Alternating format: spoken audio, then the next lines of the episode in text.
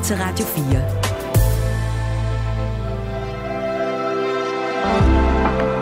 Velkommen til morgenrutinen. Din vært er Maja Hall.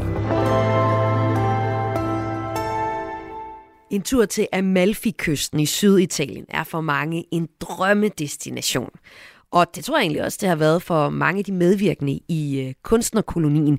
Et DR-program, hvor seks kunstnere mødes for at skabe en ny udstilling på 14. Men for dagens gæst, så stod de lækre forhold i ret stor kontrast til den politiske situation i Syditalien. Og det taler jeg med hende om, når hun kommer ind her som gæst i morgenrutinen om en 20-25 minutters tid.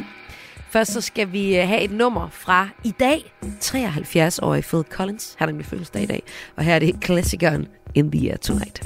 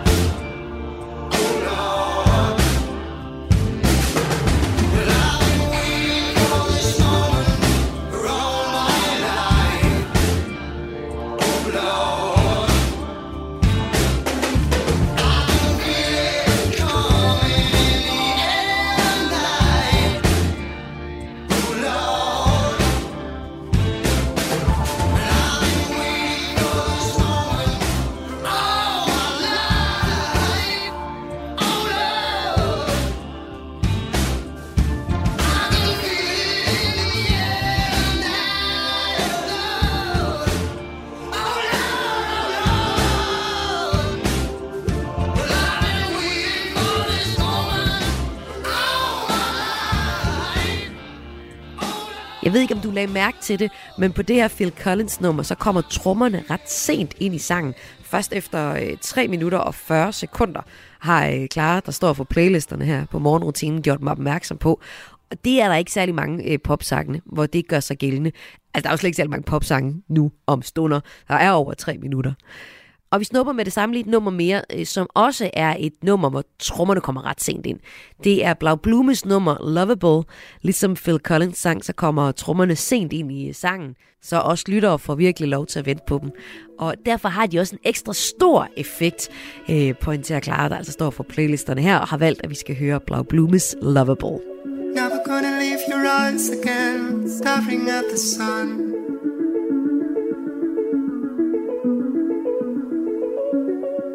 Wish that I could give you everything. Guess I come undone. You and I up against the pride. You and I for life. You and I for life. We can feel things we can't escape. Fall into the world like we have faith. How we can play the well behaved, exemplary for love. Maybe we drive the shame away. Nothing ever leaves the mess we made. The weather changed. You said rain, suffering for love. If the love I want, I don't know what I'm inside. It doesn't feel like this face whenever mine.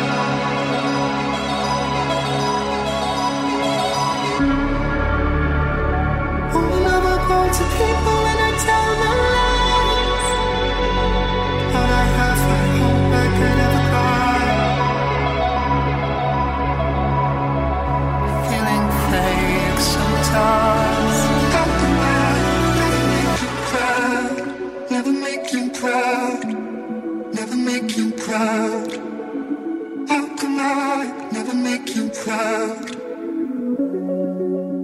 Everybody needs somebody's touch and let lines to cross.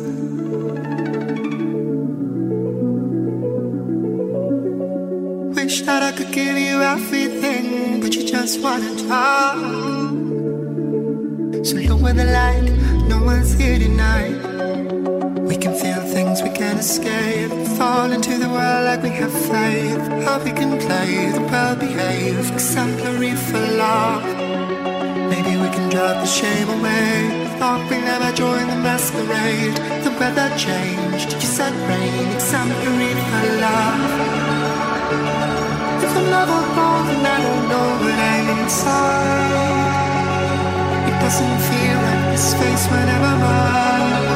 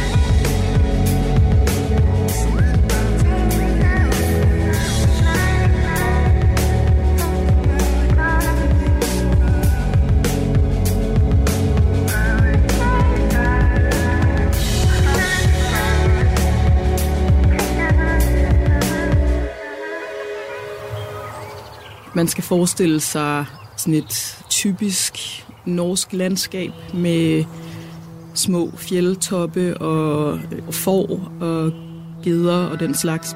Drabet på den 17-årige Birgitte Tengs i 1995 er en af Norges mest omtalte morgåder. De her to betjente, de ser noget, der ligner blod på vejen og tænker, at det kan være, at der er nogen, der er i gang med at stjæle og slagte et får. Det er en fortælling om tjusket politiarbejde. Og de, øh, de sætter sig så ind i deres bil og afslutter deres vagt. Mangelfuld efterforskning og en families opløsning. Hen over det næste halve år, der afhører man omkring 2.000 mennesker.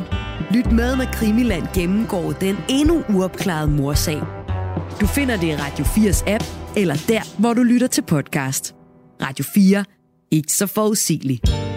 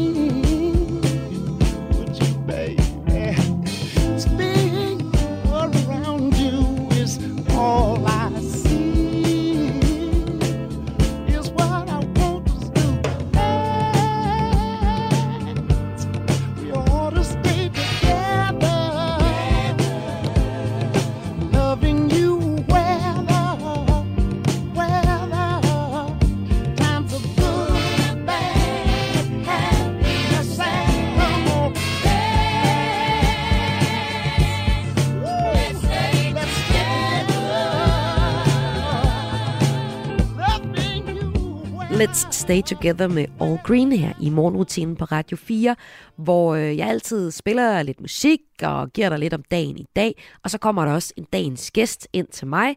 Hun er lige på trapperne. Men inden da, så kan jeg lige nu at fortælle dig om en bog, der udkommer i dag. Og jeg starter bare lige med øh, et lille citat. Familien Hansen, der nu er blevet arresteret for deres eventyrlige båndssvinglerier på travbanen, er en familie, der ofte har interesseret politiet. Sådan står der nemlig i landets aviser onsdag den 11. august 1915. Det gengiver pressemeddelelsen til bogen Det geniale kup, der udkommer i dag. Og det er en bog, der er blevet til efter idé og research af Jim Lyngvild, der er efterkommer af Hansen-familien. Og du vil måske kende Jim Lyngvild for den her øh, designer, som nogle gange kommer ud i nogle kontroversielle historier, og ikke er bleg for at stå på mål for sine øh, holdninger. Her er det så man kan sige, hans familiehistorie som omdrejningspunktet. Her kommer først øh, det geniale kub i dag, og det er første bind af Uden Skam-serien. Ud fra det forlaget øh, skriver ud om øh, den her bog, så kan jeg læse, at det er en bog, der fortæller om familien Hansen, der snyder og platter sig igennem tilværelsen i København i begyndelsen af 1900-tallet. På samme tid så er der også en fortælling om en familie, der kan charme sig ind alle steder, og hvor familien ikke havde sådan et stort behov for at passe ind. Det har gjort, at særligt øh, de kvindelige medlemmer har fået sådan en frihed og selvstændighed til at gå imod samtidens normer, og i stedet være og gøre lige præcis, som øh, de har lyst til, skriver forlaget om bogen her. I bogen der hører man for eksempel om Julius Hansen, der grundlægger virksomheden Nørrebros Centraltrykkeri, og det bliver så startskud til øh, en lukrativ forbryderkarriere, fordi øh, det er ikke bare et trykkeri. Når mørket falder på, så øh, er der lyssky affære i trykkeriets lokaler, kan jeg læse om bogen. Og her er det sådan hele familien, der hjælper med at tjene lidt ekstra.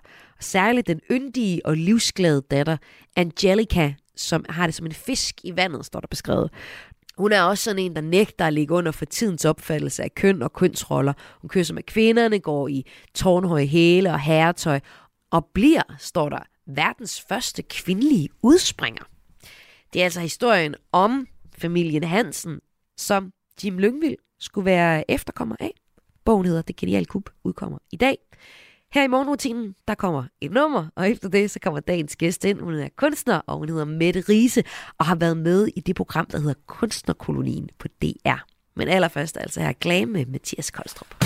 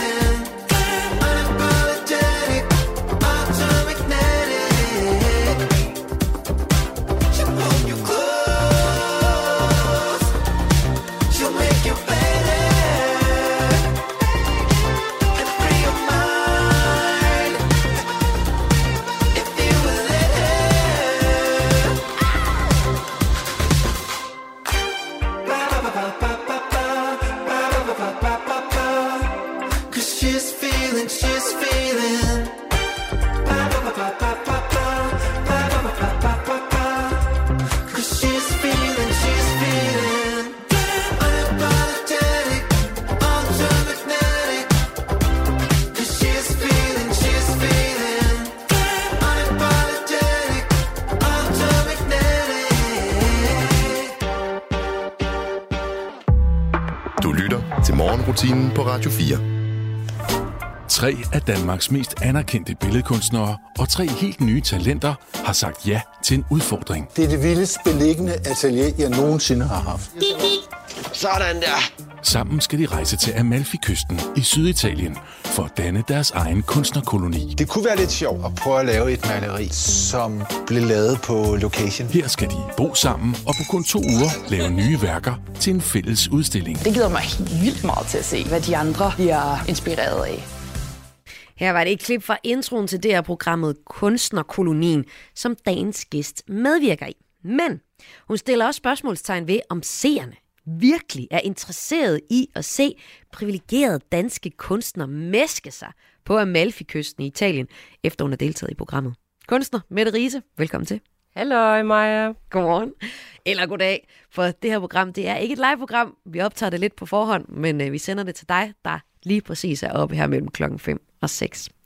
Mette, hvorfor stiller du spørgsmålstegn ved, om øh, I er interessant tv? Det er egentlig ikke, fordi jeg har sendt en rapport ind til dig, hvor jeg har været sådan her, det er det mest interessante spørgsmål at stille i den her kontekst. Men det var en undren, som jeg havde, øhm, da jeg sad ligesom og skålte med de andre deltagere badet i spotlights med alle øh, aristokratiske privilegier i verden, der var givet til mig gennem, gennem setup'et. Øhm, og der blev snakket om, hvor smukt og dejligt der var øhm, ud til en udsigt, som blandt andet også udgør en masse gravplads. Ja, hvad mener du med det? Ja, vi ved, at der er enormt mange mennesker på flugt, som dør i Middelhavet, og i den kontekst, vi var kommet derned i, der var Meloni, Italiens brødre, det parti, mm. hun er så premierminister, kort for inden blevet valgt ind som ja, premierminister, og havde øhm, søsat politik, der blandt andet gjorde det ulovligt for NGO'er at redde menneskeliv i Middelhavet. Så det vil sige, kort inden for inden vi kom derned, så små 300 km fra, hvor vi var, der havde lige været en kæmpe drukneulykke. Jeg havde blandt andet kontakt til en kvinde, som arbejdede for en organisation, Alarmphone, fordi jeg var sådan, det ville være ret relevant nu, hvor der også er sådan en stor platform måske, at tale med en som hende, for at høre, hvad er det, I gør for ligesom at prøve at modarbejde den her helt sindssyge lov, der gør det ulovligt at redde øhm, mennesker i Middelhavet på den her måde, øh, redde deres liv. Hvad prøver I at gøre for ligesom at prøve at redde liv? Øhm, og hun var sådan, det ville være mega øh, interessant at mødes op. Jeg vil gerne fortælle om det arbejde, vi laver om politikerne og sådan noget. Men jeg er simpelthen så travlt. Vi har så travlt øh, nat og dag med at prøve at redde liv. Så øhm, det har jeg ikke det har jeg ikke tid og mulighed for. Så da du øh, sidder landet her på Amalfi-kysten, hvor øh, I som kunstner får øh, et dejligt hotel til, øh, til rådighed og nogle atelierer, det kommer vi mere ind på senere, så, så har du ligesom også sådan hele den politiske situation i baghovedet. Og det er jo også fordi, at du som kunstner er optaget af, hvad du kalder livsbetingelser. Hvorfor er det egentlig det, du er så optaget af, tror du? Mm. Wow. wow, det er et meget abstrakt spørgsmål, som jeg begynder. Jeg skal lige give mig selv et øjeblik til at tænke. Du spørger mig, hvorfor jeg er interesseret i livsbetingelser. Jamen, det ved jeg ikke. Er du ikke interesseret i livsbetingelser? Jo, men nu spørger jeg dig, for det, det er det, du fortæller, at du er interesseret i, så også som, som kunstner. Jeg tror måske, jeg mener, at vi alle sammen som mennesker bør være virkelig interesseret i livsbetingelser, først og fremmest øhm, som mennesker, og prøve at tage det med ind i vores jobroller, om vi så er journalister, eller kunstnere, eller politikere, eller hvem vi er, så bør livsbetingelser være noget af det vigtigste. Og øh, det er også det, vi kommer til at tale om øh, timen igennem. Du er nemlig min gæst frem til klokken 6 her i morgenrutinen. Vi skal først lige se på, hvad det er for et program, du har medvirket i det her kunstnerkolonien, hvad det er for en størrelse. Men øh, lige inden det, så tager vi noget musik, og her er det Ariana Grande med Yes and.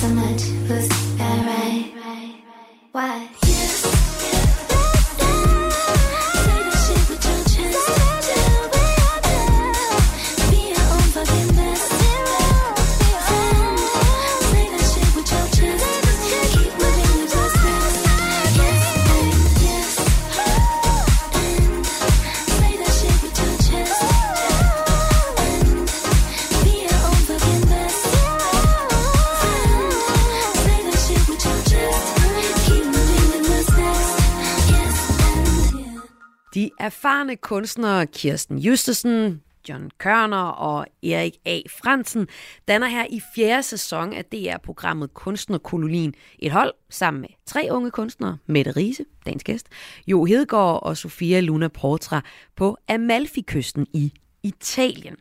Mette Riese, kan du ikke øh, lige hjælpe mig med at forklare, hvad er øh, formålet med, at de mødes seks kunstnere på Amalfi-kysten i 14 dage?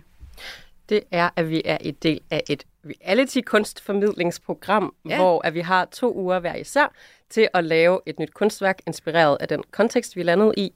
Øhm, ja, og så laver vi et kunstværk hver især, og så når de to uger er omme, så er det, tada, så er der en udstilling. Ja, og vi har allerede lidt ind på, hvad der optager dig som kunstner også, og det skal vi snakke mere om. Nu siger du, det er et, øh, jeg bliver kaldt et reality-program. Det er jeg faktisk ret nysgerrig på. Hvordan var det for dig at deltage i det her, vi må, må også godt kalde det lidt bløde reality-program? Og det er, nu spørger du igen et meget stort spørgsmål. Hvorfor har jeg Det er svært ved at simpelthen det, svare jeg på gør. Det. det? bliver timen igennem. Øhm... Det bliver altså kun store spørgsmål med det, det lover jeg dig. Du spørger mig, hvordan det var. At være med i et reality-program. Øh, det det, var spændende. oplevelse? Det var oplevelse? spændende. Det var mega spændende. Ja, var det en god oplevelse? Mm, det var en interessant oplevelse. Det var det. Ja. Hvorfor ja. Ja. takkede du ja til at være med? Det gjorde jeg af forskellige årsager. Øhm, altså som kunstner så er jeg meget interesseret i medie- og underholdningsbranchen og industrien. Og jeg bruger tit sådan forskellige velkendte mm, underholdningsformater i mine værker til at formidle nogle ret komplekse ting, eller selv spørgsmålstegn med nogle ret komplekse ting. Så jeg bruger selv, jeg har blandt andet, du ved, øhm, lavet stand-up-komiker i en periode, brugt det sådan i min praksis. Så har jeg, øhm, hvad hedder det, lavet et sådan fake talkshow, som skulle have været streamet på en østrisk øh, tv-kanal. Men så gik de under for penge, bla bla bla. Øhm, og så er jeg generelt ret interesseret i vores økonomiske system, altså senkapitalismen, og hvordan den sådan former vores kulturindustri. Så det var også lidt en research-tur, du tog på, sådan for, hvordan er det egentlig at være med i et tv-program? Ja, det var da en ekstremt interessant undersøgelse for Ja. ja. mig. Øhm, og hvad hedder det? Ja. Altså derudover, så var der også ligesom en kunstnerisk undersøgelse, som var knyttet til den altså kontekst, vi skulle ned i. Ikke? Jeg var ret interesseret i på en eller anden måde at sende et blik hjem til Danmark. Eller jeg, det, jeg tænkte meget over i perioden, var sådan, hvem vi europæere og danskere er, som dagligt tillader, at vi lukker grænserne til Europa for mennesker, men åbner dem for ressourcer. Og Ja. den, det er en del af en økonomisk undersøgelse øhm, af vores økonomiske system, og den form for ulighed, der hænger sammen dermed, men samtidig var det også en større undersøgelse omkring sådan Europas øhm, form for sådan selektiv opfattelse af globalitet. Altså, verden er global, når vi gerne vil have det. Ja, så I kan godt rejse øh, til Amalfi-kysten og nyde alle de goder, der er i Syditalien, som øh, kunstnere i tv-program også. Men der er en masse mennesker, der slet ikke har mulighed for at rejse nogen steder. Ja, og generelt også bare, du ved, sådan, vi vil gerne have en, beholde en idé om, at verden er global, så længe det handler om økonomi og handelsveje. Ja. Men når der sker for eksempel øhm, humanitære øh, katastrofer på grund af økologiske kollaps, som vi har perpetrated gennem vores blandt andet økonomiske vækst, mm. så, så, så er verden pludselig ikke global længere. Ja. Ja. Og det er jo, øh, det er jo, som vi var inde på med det store spørgsmål, livsbetingelserne, som øh, du er optaget af også. Og, øh, og det kom ligesom også meget konkret i, øh, til syne foran, kan man sige, i forhold til de luksuriøse forhold, I havde på Amalfi-kysten. Og det skal vi have et eksempel på øh, lige efter. Kalaset med Grib mig, hvis jeg falder. Kunne vi holde linen spændt lidt endnu Selvom snoren trævler ved min fod Og jeg ved godt, at lamperne så stille brænder ud Men jeg er lidt for tæt på til at stoppe lige nu. For det føles lidt for ung til at være bange for at falde ned. Men også lidt for gammel til at have nettet spændt under mig. Mit næste sats skulle blive det aller smukkeste spring. Men også sagtens være grund til at jeg aldrig danser igen. Igen.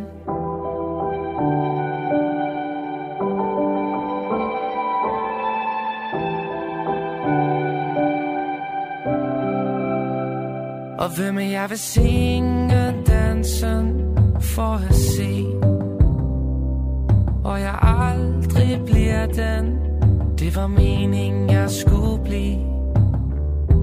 Hvem er jeg når lineren endelig springer Vi har stadig kunnet smile Vi har stadig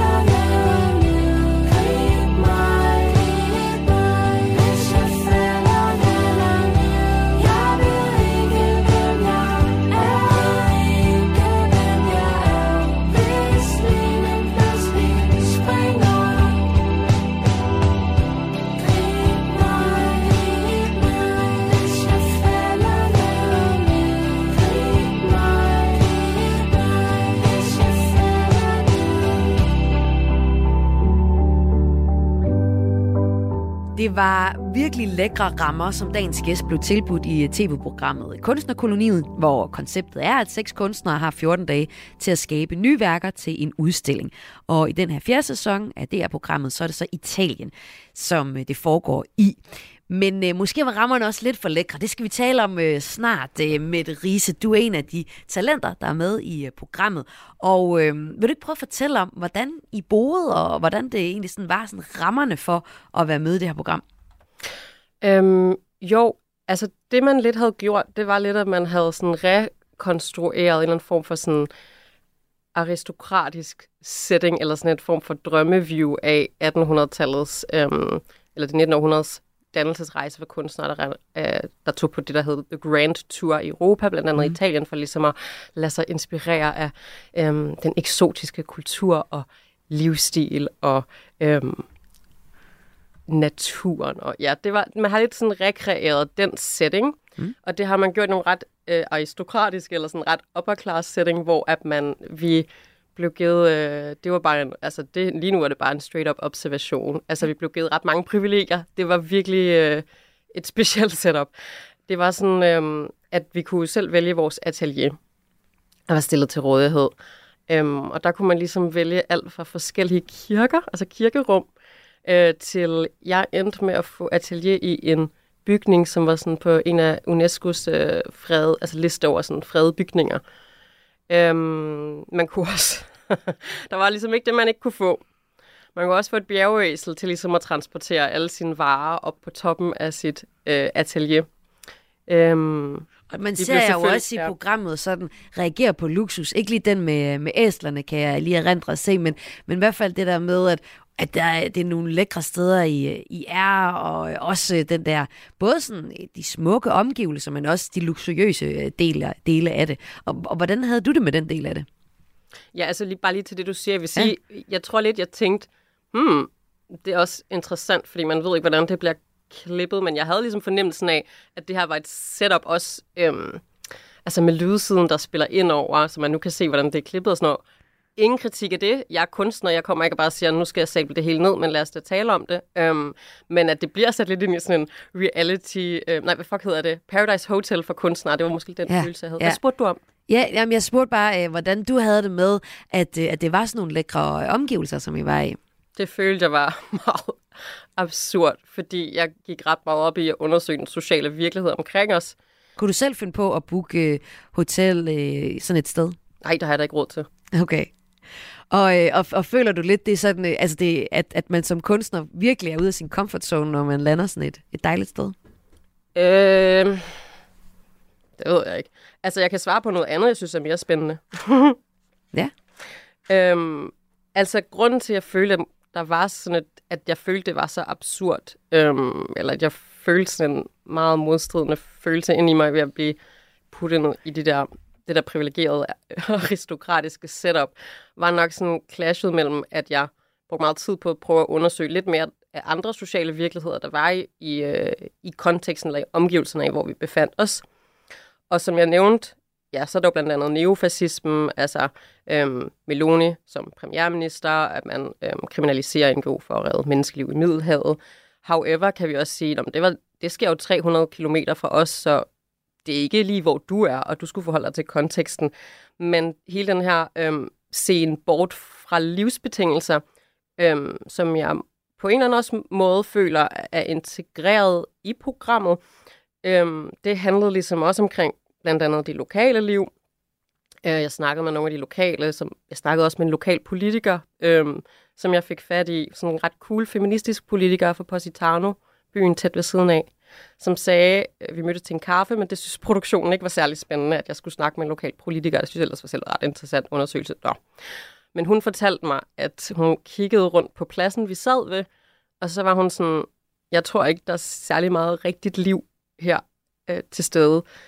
Øhm, hvis du ser de børn, der står og spiller fodbold derovre, øh, de er basically kriminelle, fordi man har taget så meget af, det, af de offentlige pladser og øhm, det offentlige, altså gjort det til privat eje.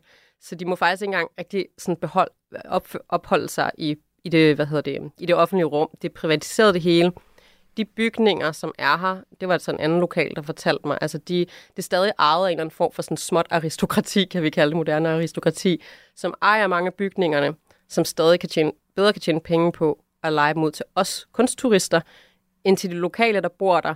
Så økonomien bliver lavet til, at de ligesom kommer ind til øh, Ravello, for ligesom at sælge de her turistgenstande til os, og så tager de, hvad ved jeg, meget langt væk i bil, for at komme et sted hen, hvor at, øh, der er husleje til at betale. hus, ja.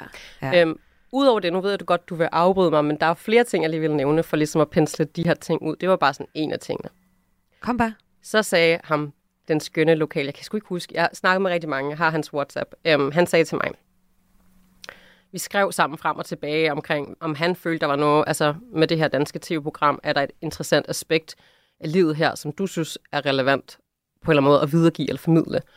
Så var han sådan, at det er en ekstremt kompleks, lang situation mellem, øh, situation mellem kunstturismen her og livet her. Øhm, og så til sidst, så skrev han til mig, som jeg synes ramte også noget meget fint, omkring det økologiske kollaps, som også fandt sted, hvor vi var, hvor han sagde, øhm, at det var ligesom, at de solgte deres økosystem bid for bid til turisterne. Øhm, du ved, der er en vis mængde du ved, vand, for eksempel her, og når kunstnerne kom, eller når der kom, sorry, ikke kunstnerne, nu føler jeg selv, nu taler mig selv meget ind i det, men når der kommer så mange turister om sommeren i det her område, så skal de alle sammen tage et bad vand, eller et, vandbad. de skal alle sammen bade. Der bliver mindre, du ved, vand til os. Altså økosystemet kollapser under al den her turisme. Samtidig, der var, der var, når ja, samtidig så var der også mange, øhm, det er en helt andet emne, men der var bare død over det hele, følte jeg. Altså, du ved, jeg fik også at vide af nogle andre, der arbejdede noget med turistkulturen nede ved Amalfi-kysten, at der var mange turister og lokale om sommeren, som døde, fordi infrastrukturen var ikke bygget til, at alle de her mennesker kommer til området. Øh, vejen er alt for små. Øhm, og der er ikke... Så det vil sige, hvis nogen skal på hospitalet, af politiske årsager var der ikke blevet bygget et hospital i nærheden, som der skulle have været. Derfor så skulle, hvis nogen skulle på hospitalet, må der komme en helikopter langt væk fra, og øh, hente folk, og så flyve dem hen til et hospital langt væk derfra. Så hvis du havde lyst til at tage til Amalfi-kysten og tage en fin hat på og hygge dig helt vildt meget og øh, se på øh, Wagner. Øh, Wagner har været i den UNESCO-fredbygning, hvor jeg hyggede mig. Øh, skulle du bare vide, at det er også lidt farligt for dig selv, fordi et område, der er ikke rigtig bygget til, at vi heller rigtig skal være der. Så det du øh, egentlig, du havde en øh, idé om, at det politiske klima var interessant at dykke ned i som øh, kunstner, da du kom til Amalfi-kysten, og din research i øh, forbindelse med din kunstneriske praksis i, øh, i det her program, den underbyggede jo sådan set bare, at, at der virkelig også er en kæmpe stor grå bagside af, øh, af turismen i, øh, i området. Ja, og så vil jeg også bare sige, du ved, øhm, det som jeg interesserer mig meget for her bagefter, nu sætter du det meget sådan kritisk op, Mette synes, at det var mærkeligt, at bla bla bla. Ja, det er et spændende spørgsmål, men det er måske også bare sådan blikket, der er sat igennem programmet, som jeg synes er lidt interessant at kigge videre på. Øhm, blandt andet, altså der blev også fremhævet meget det her omkring, uh, de lækre Amalfi-citroner, ikke? Øhm, det blik, der ligesom var plads til omkring citronerne, var det her, uh, de er så lækre, en, en, en lokal råvare og interessant også turistsymbol. Øhm, men med god sandsynlighed kan de være plukket af migrantarbejdere under alt fra sådan nedturs til slavelignende forhold. Øhm, og det var også noget, jeg snakkede med øhm, i min del af min ja, research med øhm, informations øh, Italien-korrespondent Martin Gøtske. Man ser et klip i programmet fra det, men vi talte blandt andet om det her med, ja, hvilke forhold citronerne muligvis kunne være blevet plukket under. Ja. Så der er meget virkelighed, der også bliver klippet ud, og det tror jeg bare, jeg synes var ret interessant. Ja, for det er også en del af at være med i, øh, i sådan et reality-program, som du har været altså med i uh, kunstnerkolonien på DR, som vi taler lidt videre om efter noget mere musik. Her er det Olivia Dean med Dive. It isn't working. I'm a tidal wave of question marks, and you're just surfing.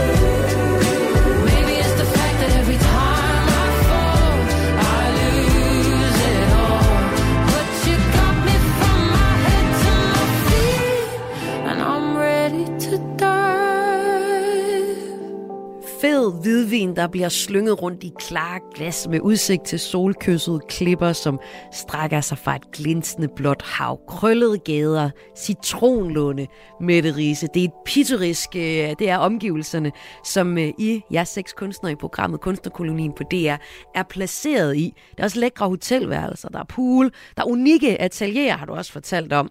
Og øh, jeg kunstner er tydeligvis benovet, men øh, er seerne virkeligheden interesseret i at se jeres øh, privilegier blive foldet ud på, øh, på tv? Det spørgsmål har du stillet dig selv, efter du har medvirket i, øh, i programmet. Prøv lige at uddybe det. Det var egentlig primært et spørgsmål, et af de mange spørgsmål, jeg stillede mig selv undervejs, som handlede om, at jeg var ekstremt interesseret i setup'et, mediesetup'et, og øhm, det var ligesom det sidste, jeg i de rammer måtte kommentere på. Altså, jeg måtte ikke ligesom bryde den fjerde væg, eller kommentere på, at der var 16 mennesker, der luskede rundt bag kulissen og havde sat den her illusion op for tv-serien. Øhm, og Altså illusionen om, at I er i seks øh, kunstnere samlet 14 dage til at, at lave en ny udstilling. Ja, og nærmest også illusionen om, at de, det ikke er dem, der har sat det op, eller sådan, at de ikke er I der bare mødtes helt det tilfældigt. på en eller anden måde, Ja, ja, ikke? ja. Ja. Grad. Nå, men du ved, og det er fair. Jeg har fået det at vide, men det gør det sgu også bare lidt mere interessant, når jeg ved, at jeg slet ikke må kommentere på det. Og så, når jeg interesserer mig for magtstrukturer, så er nok den største magtstruktur er ligesom, at der er et helt tv-hold, nogen, der har vurderet, at det her det er interessant, og der tror jeg bare, det virkelig, jeg havde så meget lyst til at vende mig om og spørge, hvorfor er det her spændende? Jamen, er der noget, du egentlig selv kan se sådan? Øh, jeg ved ikke, om du har genset øh, udsendelserne herefter. Jeg har set det, ja. Ja, øh, er- er der noget, hvor du selv tænker, det er sgu meget godt tv. Det kan sgu noget, det her. Åh, oh, ved du hvad jeg vil sige mig? Jeg vil sige, noget jeg synes er rigtig spændende, det er, jeg synes det er fedt, at man ser kunstnere i tv. Ja, hvorfor? Tak, fordi der er lavet et program, som er øh, mere folkeligt, hvor at den, hvad skal vi kalde det, almindelige dansker, det er røv fucking uh, prejudice at sige, men lad os sige det, den almindelige dansker. Ingen ved, hvem det er, men En okay. gennemsnitlig DR-tv-serie. En eller anden person Ja. kan se os i tv, og måske ikke interessere sig for kunst at være sådan her, wow, det er da meget spændende. Det synes jeg er nice.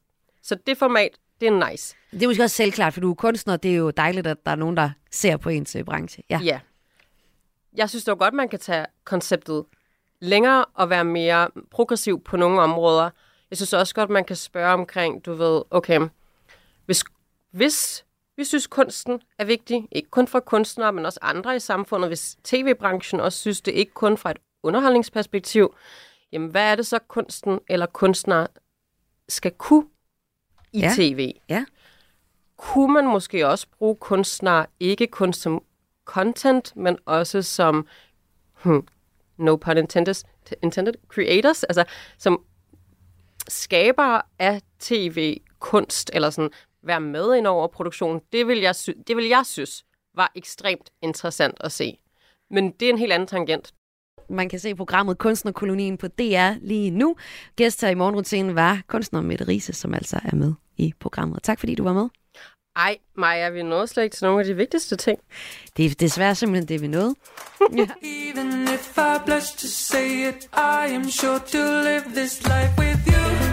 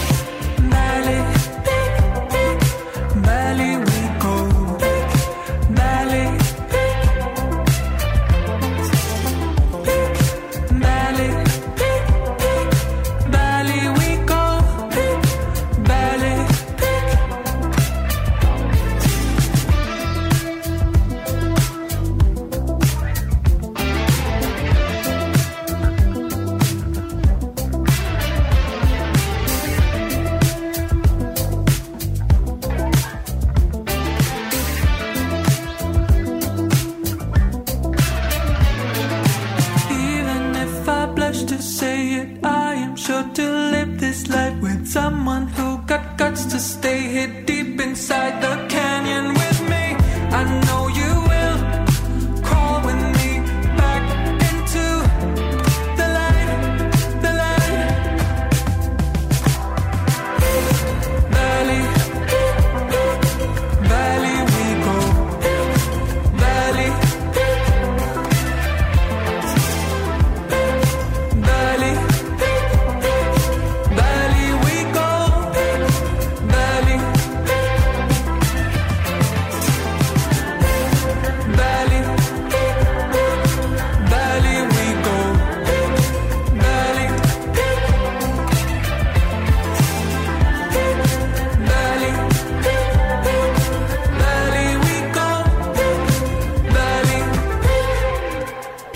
Valley med Lucky Lo her i morgenrutinen på Radio 4. Et program, der er færdigt for i dag. Mit navn er Maja Hall, og tusind tak, fordi du øh, lyttede med. Morgenrutinen sender alle hverdage fra klokken 5 til klokken 6, og det er programmet, hvor du kan holde dig opdateret på, hvad der sker i kulturens verden, lige præcis den dag, du stod op til. Men nu løfter vi blikket lidt fra kulturen. Du får allerførst her et nyhedsoverblik. Klokken er nemlig blevet 6. Du har lyttet til en podcast fra Radio 4. Find flere episoder i vores app, eller der, hvor du lytter til podcast. Radio 4. Ikke så forudsigeligt.